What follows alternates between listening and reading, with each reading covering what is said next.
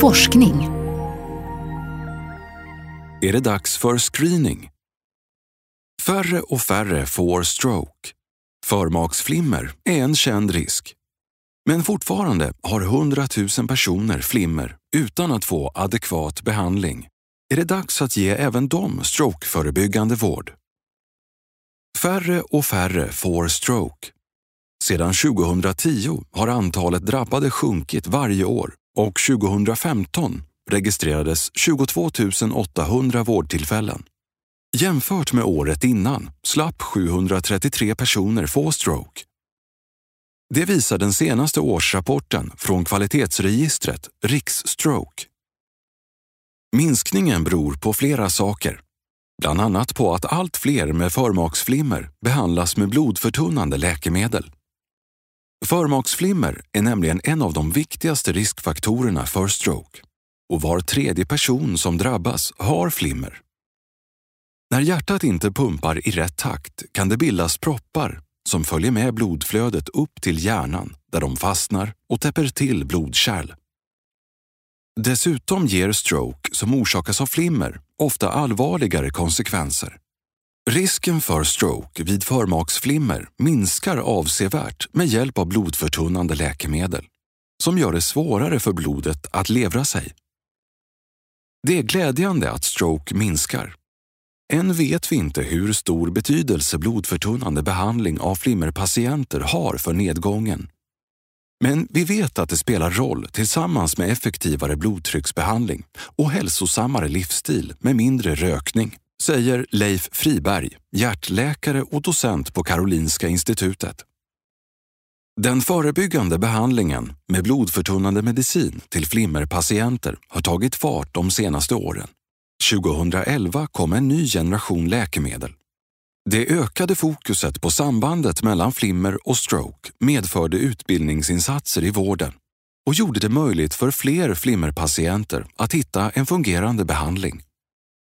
Den äldre generationens läkemedel är krävande för patienterna med bland annat regelbundna kontroller på vårdcentralen och begränsningar i kosten.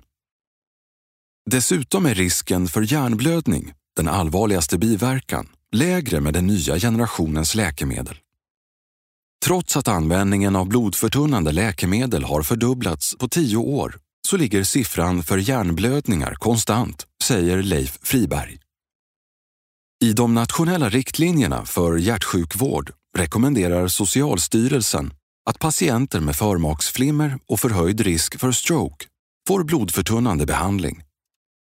Trots det har det länge funnits en underbehandling och för att komma till rätta med den har myndigheten satt som mål att minst 80 procent ska få blodförtunnande behandling.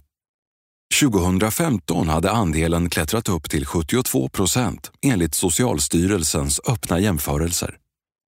Det är också viktigt att följa upp att de som får behandling fortsätter att ta sin medicin. När jag undersökte hur många som den 1 januari 2015 fått recept på blodförtunnande behandling senaste halvåret och som varit på apoteket och hämtat ut medicinen var det knappt hälften som gjort det, säger Leif Friberg. Även om utvecklingen är positiv och allt fler med förmaksflimmer nu får behandling för att förebygga stroke återstår fortfarande några utmaningar. En är att vården inte är lika för alla.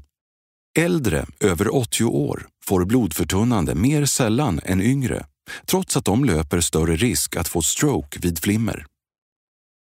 Även bostadsorten påverkar.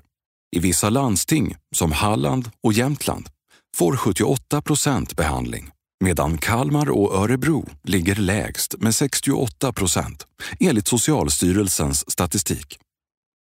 Vilken typ av läkemedel man får varierar också med bostadsorten.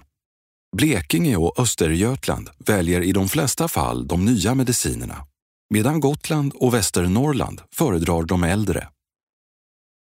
En annan utmaning är att hitta och behandla alla som lever med förmaksflimmer utan att veta om det. Flimret ger inte alltid symptom och studier pekar på att utöver de cirka 200 000 som idag har en flimmerdiagnos lever ytterligare ungefär 100 000 svenskar med dolt förmaksflimmer. För att lära sig mer om den gruppen och hur vården kan hitta dem inleddes 2012 studien Stroke Stop.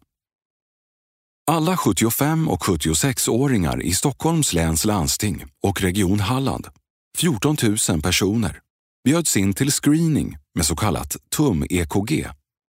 Fler än hälften av dem valde att delta och mätte själva sitt EKG två gånger om dagen under två veckor. Av de drygt 7 000 som testades hade 3% förmaksflimmer utan att veta om det. Dessutom hade 2% fått diagnos, men ingen eller fel behandling. 3 är väldigt mycket, särskilt om vi vet att de flesta har indikation för behandling med blodförtunnande läkemedel. Att 2 procent var felbehandlade visar också på nyttan av att gå igenom en känd diagnos och förbättra behandlingen för de som redan har sjukdomen, säger Emma Svenberg, specialistläkare på Danderyds sjukhus, som disputerade på Karolinska institutet i höstas. Utifrån resultaten i Strokestop-studien har de europeiska riktlinjerna ändrats till att överväga systematisk screening för äldre. Tandvårds och läkemedelsförmånsverket, TLV, har undersökt om det är hälsoekonomiskt motiverat att införa nationell screening för att upptäcka dolt flimmer och kommit fram till att en sådan åtgärd är kostnadseffektiv. Socialstyrelsen har också utrett om screening ska införas, men kom tidigare i år fram till att inte rekommendera det utan vill invänta fler vetenskapliga resultat. Nu jobbar Emma Svenberg och hennes forskarkollegor vidare med just det.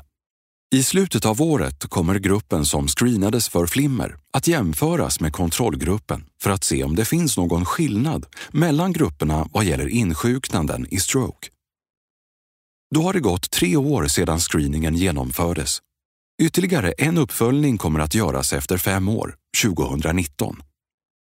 Jag tror att vi kommer att se att vi kan minska risken för stroke hos förmaksflimmerpatienter med screening och blodförtunnande behandling och att vi då får ett bättre underlag för att ta ställning till nationell screening, säger Emma Svenberg.